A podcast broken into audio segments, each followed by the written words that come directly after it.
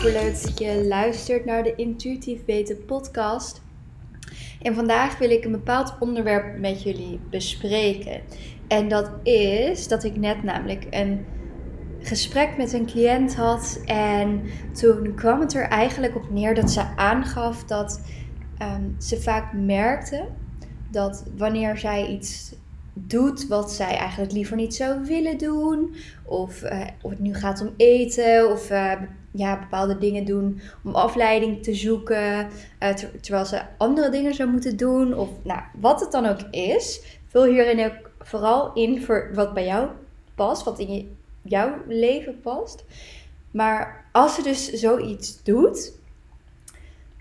Dat ze erg boos op zichzelf kan worden. Gefrustreerd met zichzelf kan worden. En dat ze bepaalde gedachten kan hebben van... hé, hey, waarom kan je je nou niet gewoon concentreren als je dit en dit doet? Waarom kun je nou niet gewoon um, na één snoepje stoppen? Dat soort dingen. En in het gesprek met haar gaf ik aan dat ergens ik het heel logisch vind dat dat soort gedachten op kunnen komen. Want dat is tenslotte hoe heel veel van ons zijn grootgebracht. En niet bewust, maar ik denk dat dat ook een beetje een dingetje is in deze maatschappij. Misschien wel de Nederlandse maatschappij. Ik weet het niet precies wat het is. Maar dat we aangeleerd krijgen, geconditioneerd worden om gefrustreerd en boos op onszelf te worden. Met het idee van, nou, als we maar streng genoeg zijn voor onszelf, dan veranderen we ons gedrag wel. Maar dat het eigenlijk niet werkt.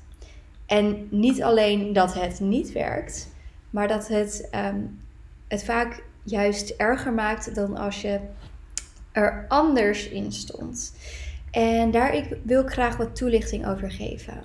Want wat het is, op, stel je hebt een issue met eten en je wilt graag gezonder eten of je wilt in ieder geval stoppen met overeten of wat het dan ook mag zijn. Maar op dat moment zelf maak je toch de keuze om meer te eten dan je eigenlijk zou willen. En dan word je boos op jezelf. En dan word je gefrustreerd met jezelf en misschien voel je je wel schuldig. Alleen de hele tegenstrijdigheid van dit verhaal is dat omdat jij je zo voelt, dat je misschien nog wel weer de keuze gaat maken om meer te eten. Want bij velen onder ons, zeker als een probleem bij jou is het overeten um, en het emotie eten, is dat wanneer je gefrustreerd bent, dat je juist meer kunt gaan eten.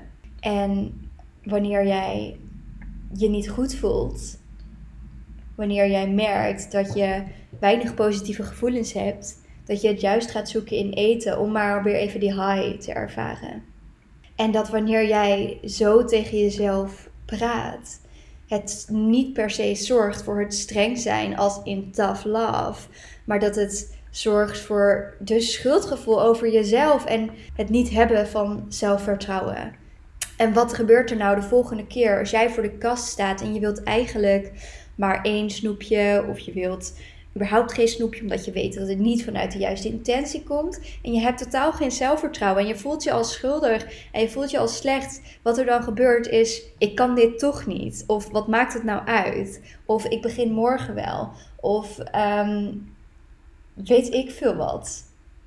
Ik voel me gefrustreerd, dus ik ga nu wel gewoon eten. Dan voel ik me beter. En misschien zijn dit geen bewuste processen. Misschien gaat het allemaal onbewust. Maar als je jezelf hierin herkent, denk ik wel dat het goed is om hier eens bij stil te staan. Wij hebben dus het idee dat wanneer wij streng zijn, wanneer wij een soort van gemeen zijn, dat wij ons gedrag gaan veranderen. Maar als je er eens goed bij stilstaat, wat heeft het je tot nu toe al gebracht? Is het daadwerkelijk zo dat als jij streng voor jezelf bent geweest, dat jouw gedrag is veranderd? Ik denk het niet. Want misschien, als dat zo was, zou je deze podcast niet luisteren. En voor sommige mensen zal het misschien wel werken, maar voor heel veel mensen niet. Want wat ook een ding is, en misschien herken je jezelf ook daarin, is de rebelsheid. wanneer je bepaalde regels voor jezelf op gaat stellen vanuit strengheid, dat je dan rebels wordt. En je juist niet aan die regels wil houden. En dan juist meer gaat eten dan je normaal misschien zou doen als je niet die regels had. Wanneer jij iets doet wat jij eigenlijk liever niet zou willen, werkt het vaak beter om er juist rustig onder te blijven. Om het te benaderen als: oké, ik heb deze keuze gemaakt. Dat is wellicht niet wat ik zou willen, maar het is klaar. Ik kan er nu niks meer aan veranderen. En mij er schuldig over voelen, boos worden op mezelf, dat gaat me niet verder helpen.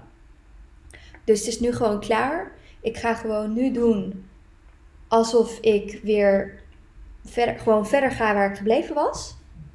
Ik ga een lekker theetje voor mezelf zetten. En het is gewoon oké. Veel mensen hebben het gevoel dat wanneer zij zacht zijn voor zichzelf, dat ze geen resultaat meer gaan behalen. Of dat ze dan opeens geen zelfcontrole meer hebben. Ze hebben het gevoel dat agressie, woede, strengheid, dat soort dingen, dat dat de factoren zijn van gedragsverandering. Maar dat is niet zo. Dat is niet zo. En dit is een korte message wat ik je wilde meegeven vandaag. En daarom hou ik het hier ook bij vandaag. En wat ik nog wel wil meegeven is, als je nou het idee hebt dat jij hiermee struggelt en je weet het niet zo goed allemaal. Je weet niet zo goed hoe je eruit kunt komen en wat je nou wel kunt doen. Voel je dan vrij om via de website een gratis kennismakingsgesprek in te boeken. Dan kunnen we namelijk in een kort gesprek even kijken wat jij nu het beste kunt gaan doen en wat um, jou zou kunnen helpen naar die gezonde leefstijl. Of het nu gaat om wel dat stukje over eten of dat het op een ander vlak tegen zit dat je bepaalde dingen wel of niet doet in je leefstijl. Super dankjewel voor het luisteren. En als je hier nou wat aan had, voel je vooral vrij om het te delen op social media. En als je dat doet, tag me dan alsjeblieft, want anders kan ik niet zien dat jij het deelt. Ehm, en je kunt het natuurlijk ook delen met je vrienden en familie. Als je het gevoel hebt dat zij daar wel wat aan kunnen hebben. En uh, ja, tot de volgende keer.